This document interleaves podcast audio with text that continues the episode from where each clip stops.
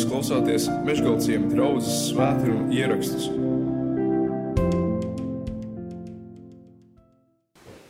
Pagājušajā nedēļā es klausījos kādu arī dievkalpojuma ierakstu vai svētrunas ierakstu no dievkalpojuma, kurš notika Dienvidu Āfrikas Republikā. Iedomājieties, cik tas ir interesanti, vai ne, ka tu vari dzirdēt, sludināt Dievu vārdu pilnīgi no otras pasaules malas.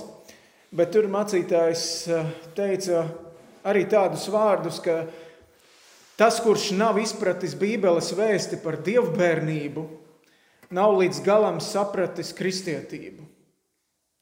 Tas, kurš nav izpratis Bībeles vēsti par dievbijību, nav līdz galam sapratis kristietību. Jo kristietība jau nav tikai stāsts par kādas ideoloģijas pieņemšanu. Par to, ka tu iemācies dzīvot kaut kādu dzīvesveidu. Vai ne, ka tu iemācies kaut kādus noteikumus, ka tu izēji kaut, kādu, kaut kādas apmācības, katehēzi vai ne?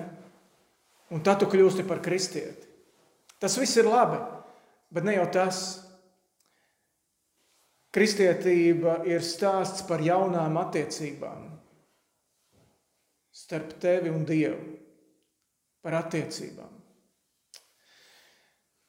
Kad apustulis Pāvils raksta savu, visnotaļ mēs varam teikt, ka tā ir ģeniāla vēstule, vēstule romiešiem. Viņš tur izklāsta Dieva glābšanas plānu no pašiem sākumiem līdz galam, kad cilvēks tiek izglābts.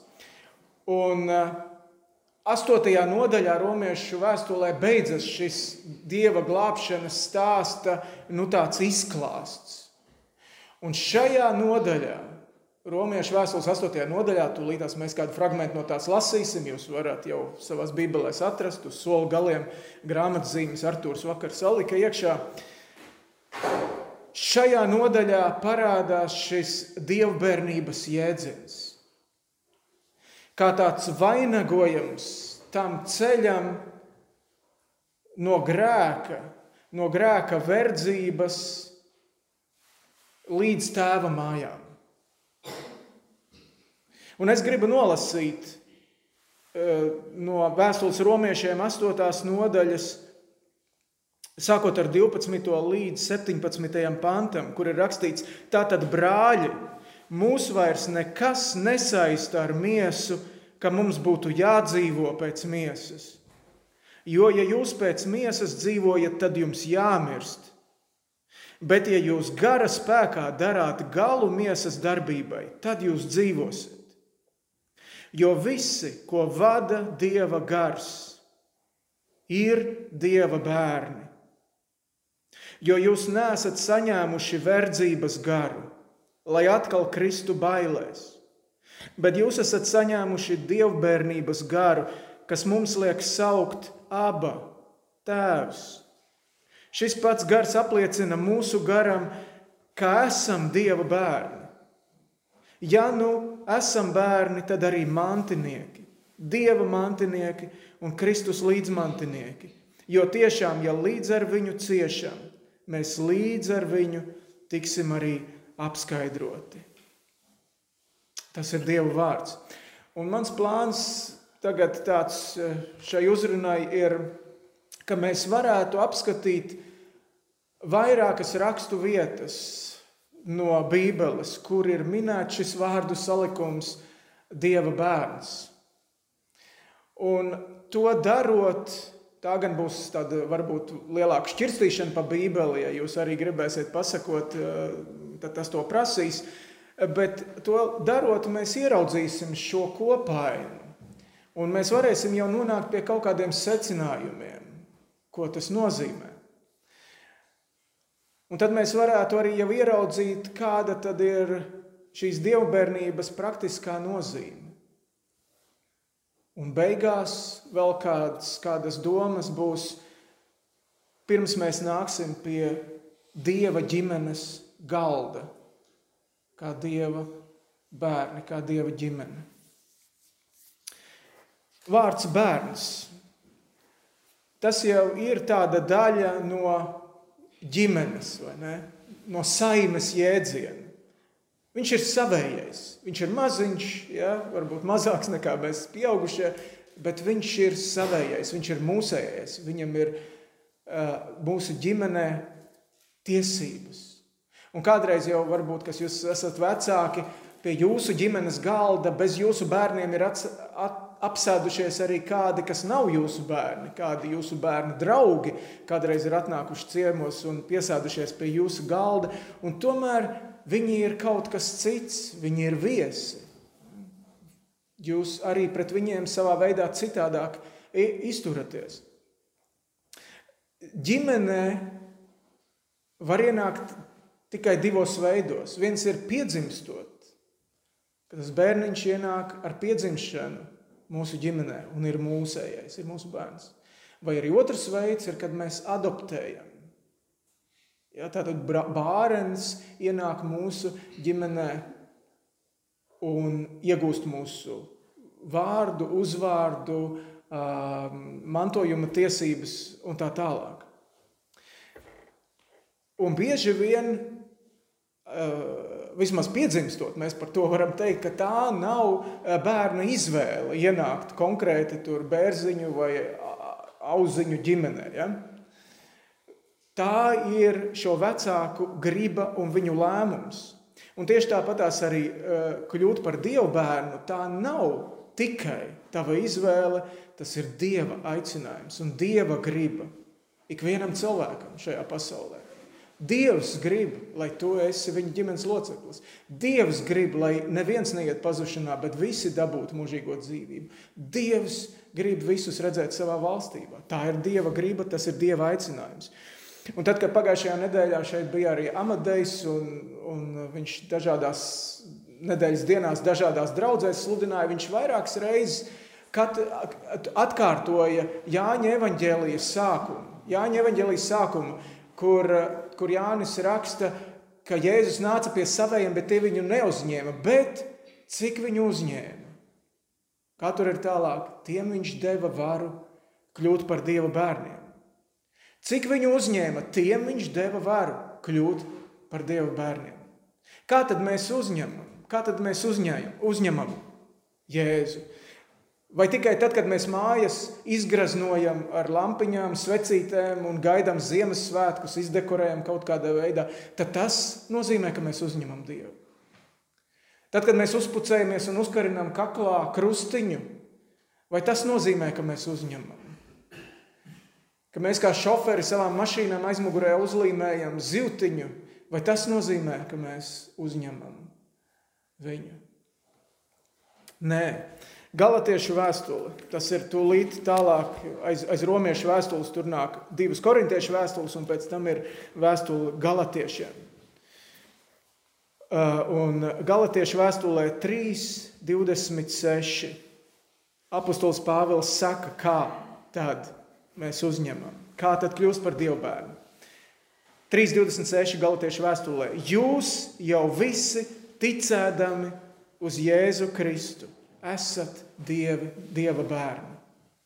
Jūs ticēdami, uzticēdamies Viņam, jūs kļūstat Dieva bērni.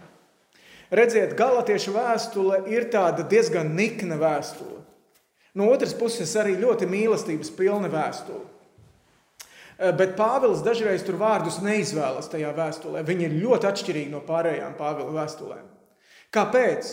Tāpēc, ka šie galatieši cilvēki kaut kādas mācības dēļ bija iedomājušies, ka dievbijību viņi var iegūt, apējot attiecības ar Dievu. Ka mēs jau nodzīvosim dzīvi, būtam vienkārši labi cilvēki. Mums tie labie darbi būs vairāk nekā tie sliktie darbi. Jēzus, tas jau ir labi, viss jau ir labi, bet es tur vēl to un to man ir jādara. Un Pāvils saka, nē. Tās visas varbūt nav, nav sliktas lietas, ko jūs, ko jūs darat, bet par bērnu un mantinieku kļūst tad, kad tu uztici savu dzīvi Jēzum Kristum, kad tu atdod savas dzīves stūri Dievam, lai viņš tagad vada tavu dzīvi. Tad, kad tu visus savas dzīves pin kodus atdodi Dievam un saki, tagad tie ir tavējie. Un tas nebūtu nav tik viegli. Tas kādreiz ir ilgstošs process. Bet no dievbijības ir liels iegūms, ko mums atklāja Bībele.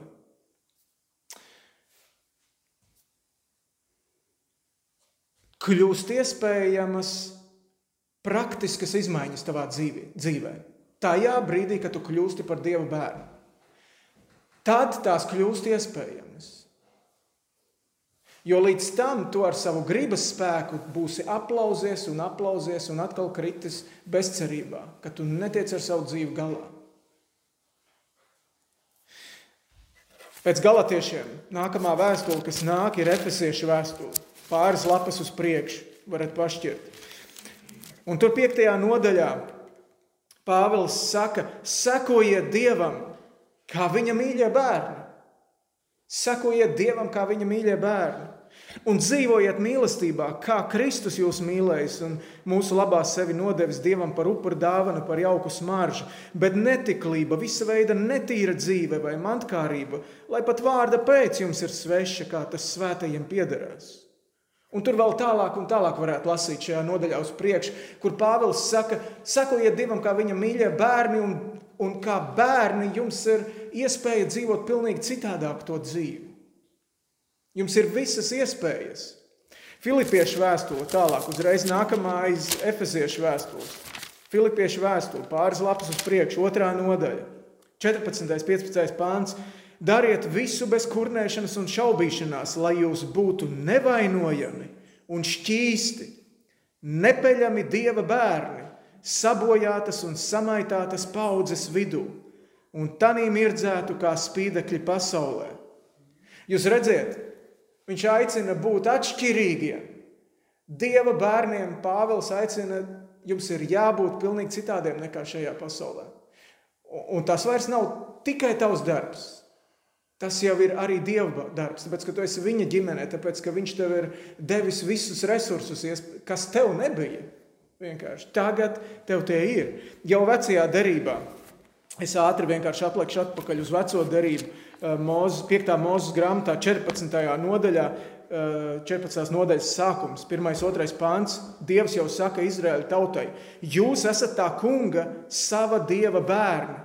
Un redziet, dieva bērni vecajā derībā nemaz tik bieži nav pieminēti. Ir Izraēļa bērni, jā, bet dieva bērni tāds vārdu salikojums vecajā derībā nemaz tik bieži nav. Šī ir viena no vietām. Jūs esat tā kunga, sava dieva bērni. Jums nebūs sev pašiem iegriezt savā miesā zīmes, nedz arī nodzīt matus kāda mirušā dēļ, jo tu esi tam kungam, savam dievam, svēta tauta. Un no visām tautām, kas vien ir uz zemes, tas kungs tevi ir sevi izredzējis, lai tu būtu viņam par īpašuma tautu. Atkal šī, šī atšķirība. Ja? Viņš saka, esiet atšķirīgi. Nekautrējies no tā, ka tu esi atšķirīgs. Apostols Jānis, mēs šķiram jauno darību uz priekšu, Jāņa, uz Jāņa vēstuli, pirmo Jāņa vēstuli. Apostols Jānis saka, ka dievbijība ir taisnības un mīlestības praktizēšana. Pirmā Jāņa vēstule, trešā nodaļa, desmitais pāns. No tā var pazīt dieva bērnus un vēlna bērnus. Katrs, kas nedara netaisnību, nav no dieva arī tas ne, kas nemīl savu brāli. Ja tu neīsteno taisnību, ja tu ne, nedzīvo mīlestībā, tad ir apšaubāmi, ka tu esi Dieva bērns. Dieva bērnībai nāk līdzi šīs pazīmes - taisnība un mīlestība. Un Jēzus, to mēs varam nešķirt, bet uh, viņš kalnu svētrunā saka arī to, ka dievbijība nozīmē miera praktizēšanu. Svētīgi miera nesēji jo tos sauc par Dieva bērniem. Tur viņš to saka. Redziet, tas viss nav mums raksturīgi. To dara Dieva svētais gars. Un Dieva svētais gars tas ir tas ieguvums, ko Dievs piešķir mums ienākot viņa ģimenē. Jo viņš ir tas, kas nodro, nodrošina mūs ar pārdabisku vadību. Viņa vadības dēļ, kādreiz arī šeit dievkalpojumos, mēs aicinām cilvēkus, jūs varat nākt šeit pastāstīt kādu liecību, ko Dievs ir darījis. Tāpēc, ka Dievs, Dieva gars jūs ir vadījis. Ne? Nevis tāpēc, ka jūs paši esat bijuši kaut kādi varoņi un kaut ko lielisku savā dzīvē izdarījuši. Dievs ir darījis. Viņš ir tas, kurš ļauj mums sev saukt par abu. Tēvs tas nozīmē, ja aba tas ir tētiņa, papiņa. Šajā romiešu vēstulē, kur, kur mēs jau lasījām, ne, tur, jau, tur jau arī šis vārds bija. Gars apliecina šo dievbijības augsto stāvokli. Tu esi mantnieks, ķēniņa bērns, viņa kalpošanas priesteris un, un vēl citas lietas.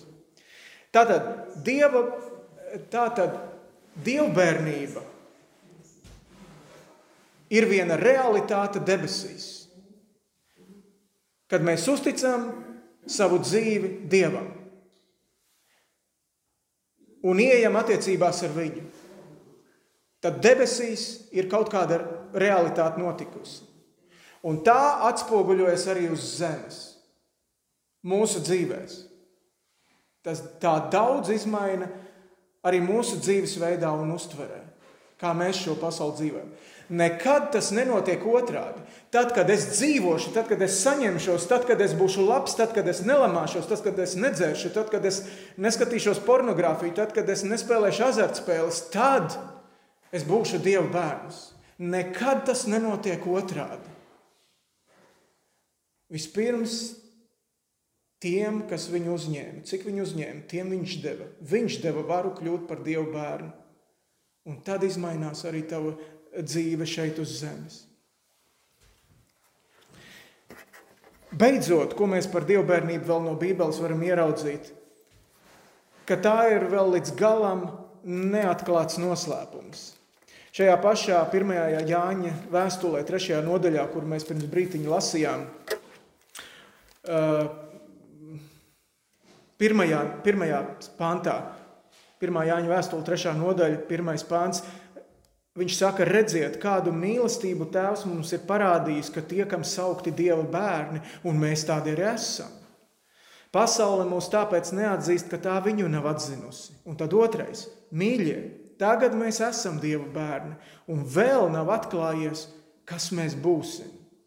Mēs zinām, ka kad tas atklāsies, mēs būsim viņam līdzīgi, jo mēs redzēsim viņu, kāds viņš ir. Vēl tas ir noslēpums. Tajā uh, romiešu vēstules uh, eh, 8. nodaļā, ko mēs lasījām, tur arī, uh, tur arī pat tālāk, ja mēs lasītu, tur ir rakstīts, ka visa radība vēl joprojām gaida, kad Dieva bērni atklāsies savā godībā. Pat visa radība nopūšas un gaida šo, šo brīdi, kas vēl nav atklājies.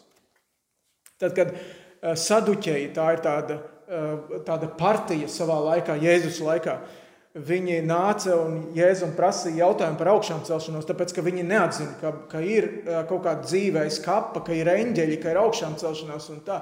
Viņi nāca un kārdināja Jēzu un, un prasīja, uh, nu, ka, redz, mums bija tādi pieci brāļi, ne, septiņi brāļi, laikam, un cits pēc cita apprecēja to vienu un to pašu sievieti, un viņi visi nomira, viņiem bērni nepalika. Tagad pie augšām celšanās, nu, kuram tad piederēs šī sieva, ja? kura nu tad būs?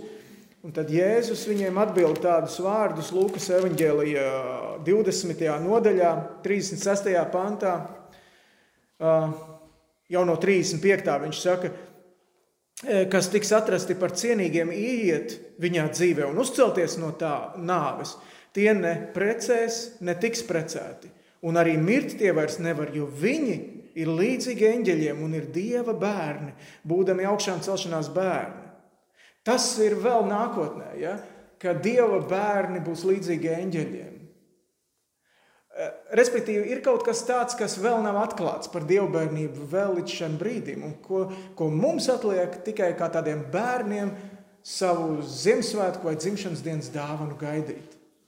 Ko mēs vēl saņemsim bez tā, ko jau esam caur dievbijību saņēmuši līdz šim?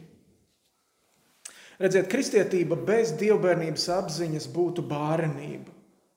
Mums būtu tikai jācīnās un jāpierāda Jo tāpēc, ka grēki un kārdinājumi nu, joprojām mums uzbrūk. Būsim realisti. Ja? Tas, ka mēs esam Jēzus sekotāji, tas mūs neatbrīvo no grēka uzbrukumiem, no kārdinājumiem. Bet šīs cīņas mūsu kristīgo dzīvi vienkārši novestu līdz izdegšanai. Tāpat kā tajā Jēzus līdzībā par diviem brāļiem, par, par to pazudušo dēlu, Tur viņam bija vecākais brālis, kurš nekur nebija pazudis. Viņš bija mājās, un viņš beigās tam tēvam saka, bet es ar vaigas sviedriem strādāju. Es te ņēmos, bet prieka nebija tajā visā. Es esmu izdedzis tev kalpojot.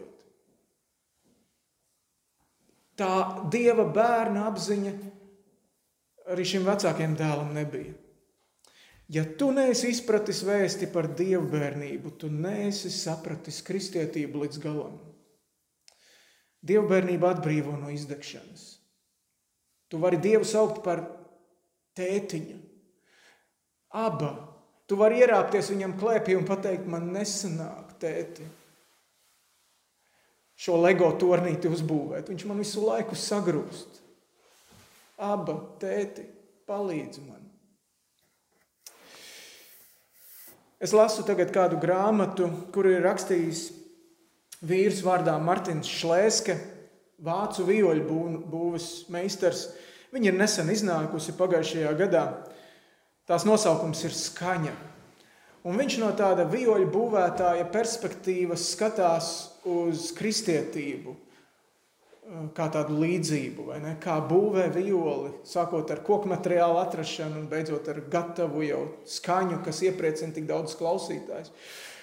Un, um, un ļoti interesantas tās domas viņam ir. Un, un viņš raksta tur kādā vietā tādus vārdus. Reizes saskaitīju vairāk nekā 40 dažādus apzīmējumus tam, kas mēs esam. Bībelē šie salīdzinājumi sākas ar vārdiem jūs esat.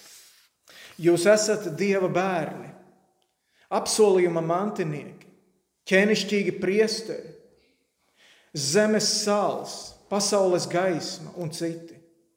Tie ir cieņu apliecinoši teikumi. Visiem šiem vārdiem ir kopēja vēsts. Tas viss, kas tu, e, tas viss tu esi, nevis tāpēc, ka tev tādam jābūt, bet tāpēc, ka Dievs tevi par tādu padara. Tāpēc runa nav tikai par atgriešanos morālā nozīmē, bet gan vēl daudz tiešāk un dziļāk par identitātes atgriešanos. Ja cik tas ir atbrīvojoši, ka tu to saproti. Jā, tev ir jāpieliek kaut kādas pūles, tev ir jābēg no grēka, tev ir um, jāveido savs raksturs. Protams, Taču pat neveiksmes nevar atņemt tavu jauno identitāti. Es esmu Dieva bērns. Kārdinājumi un apsūdzības mūsu dzīvē būs. Un arī šlēska zem, zem svītras, tad, kad viņš ir uzrakstījis šo rindkopu, ko es jums norakstīju, nolasīju, viņš zem svītras paraksta vēl tādus vārdus, lai mūs neuztrauc tas, ka atgriešanās notiek lēnām un ilgst gadiem ilgi, un ka tai, ja tā ir dziļa un patiesa, bieži ir nepieciešama atgriešanās. Lai tas tevi nemulsina. Ja? Turies pie Dieva garantētās dievbijības. Turies pie tā, ko ir garantējis Dievs, ievesdams tevi savā ģimenē. Apkopojot visu šīs domas, Es lasīju, ka, ka Bībeles pētnieki ir ievērojuši vienu lietu, ka Pāvils pirmo reizi romiešu vēstulē šajā vietā aicina uz kristīgu praksi. Pamatā tā vēstules praktiskā daļa sākas tikai 12. nodaļā. Bet jau šeit pētnieki ir ievērojuši, ka Pāvils līdz šai astotajai nodaļai visu laiku ir teicis, redziet, ko Dievs dara, redziet, ko Dievs ir izdarījis, redzi, kā Dievs ir nokārtojis, jā, lai tu varētu ienākt debesu valstībā, Dieva ģimenē. Bet šeit viņš saka, piemēram, 13. pantā, dariet galu. Dariet galu miesas darbībai.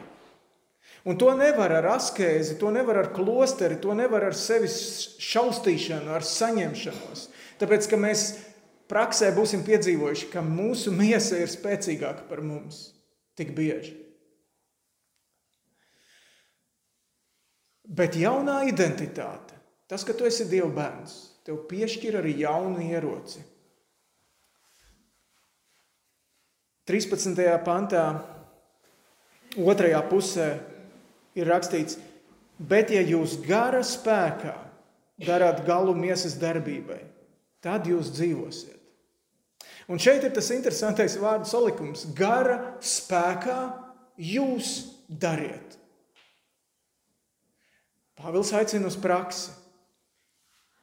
Jēzus kādreiz teica, ja tava roka tevi apgrēcina, nocer to, ja tava kāja tevi apgrēcina, nocer to, ja tava acis tevi apgrēcina, izrauj to un met projām. Tev ir labāk ar vienu roku, kāju un aci iet debesu valstībā, mūžīgā dzīvībā, nekā ja tev ir abas un tu ieej mūžīgā pazušanā. To saka Jēzus. Bet tikai, tikai ar gara spēkā mēs varam to izdarīt pa īstam. Jo ziniet, kā kādreiz, kad jūs, jūs esat dārznieki un, un ravējat dobītas kaut kādas, var jau arī noraut tikai to lakstu, ja, bet tā sakne paliek iekšā. Tā sakne paliek zemē un viņa dzīs atkal nākamo nezāli ārā. Tā izravēšanai ir jānotiek kaut kur dziļāk. Tikai garā var notikt radikālas pārmaiņas. Un gars mums tiek iedots tad, kad mēs piedzimstam, tad, kad mēs pieņemam Dieva dēlu un piedzimstam debesu valstībai. Un piedzimšana var notikt Jēzus Kristus krusta uzvaras dēļ. Ar to Pāvils sāk šo astoto nodaļu romiešu vēstulē. Tad nu tiem, kas ir Kristu Jēzu, vairs nav nekādas pazudināšanas, jo dzīvības gara bauslība Kristu Jēzu tevi ir atsvabinājusi no grēka un nāves bauslības. Bauslība tas ir likums. Jo ko bauslība nespēja, nevarīga būdama mūsu miesas dēļ, to ir darījis Dievs, sūtīdams savu paša dēlu grēcīgās miesas veidā un grēka dēļ. Viņš grēku, kas bija miesā, pazudinājis uz nāvi. Pēdējais, ko es gribu pieminēt par dievbijību, pēdējā rakstu vieta, un tā ir no Jāņa evanģēlīja 11. nodaļā aprakstītā notikuma par Lācara uzmodināšanu. Lācars un viņa māsas bija Jēzus ģimenes draugi, un Lācars nomira. Un, kad Jēzus ieradās, viņš jau četras dienas bija kapā. Un, eh, un Jēzus izsauc šo mirušo cilvēku, četras dienas kapā gulošo cilvēku, ārā atpakaļ dzīvībā. Un tā, tas rada lielu rezonanci. Visi sako viņam un sāk zust um, to raksturmācītāju, farizēju, saduķēju, valdības vīru, sinedrija uh, varu. Sāk zust tā ietekme. Un šie vīri sapulcējās kopā un saka, nu ko lai mēs tagad darām? Un tad Jāņa evanģēlīja 11. nodaļa 49. pāns un uz priekšu rakstīts tā. Un viens starp viņiem, Kajafa, būdams tā gada augstais priesteris, sacīja viņiem, jūs neko nesaprotat un neaptverat, ka mums ir labāk, ka viens cilvēks mirst, ja to prasa tautas labums, nekā kad visa tauta iet bojā. Un tad Jānis, apustulis Jānis, šīs šī evaņģēlīja autors piemetina. Bet to viņš nesacīja pats no sevis, bet pravietoja, būdams tā gada augstais priesteris. Jo Jēzum bija mirti tautas labā, un nevien jūdu tautas labā, bet arī lai savāktu vienopus, izklīdinātos dieva bērnus.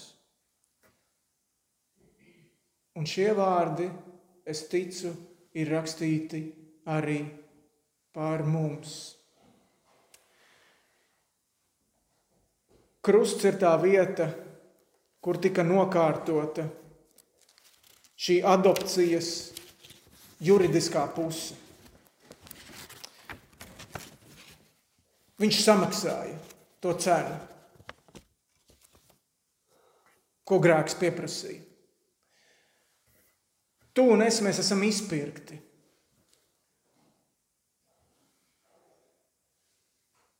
Dieva ģimene gaida. Cik viņu uzņēma, tiem viņš deva varu kļūt par Dieva bērniem. Tie, kuri tic, tie kļūst par Dieva bērniem. Un Dieva bērniem ir vieta pie viņa galda.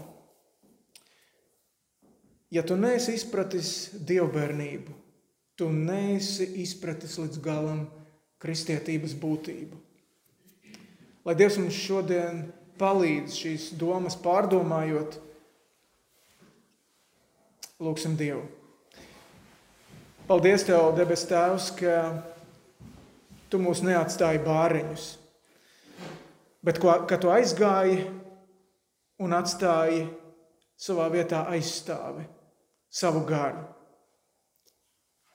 Un šis gars ir mūsu līdzgaitnieks, vadītājs, palīgs visās cīņās. Un viņš mums arī atgādina par dievu bērnību.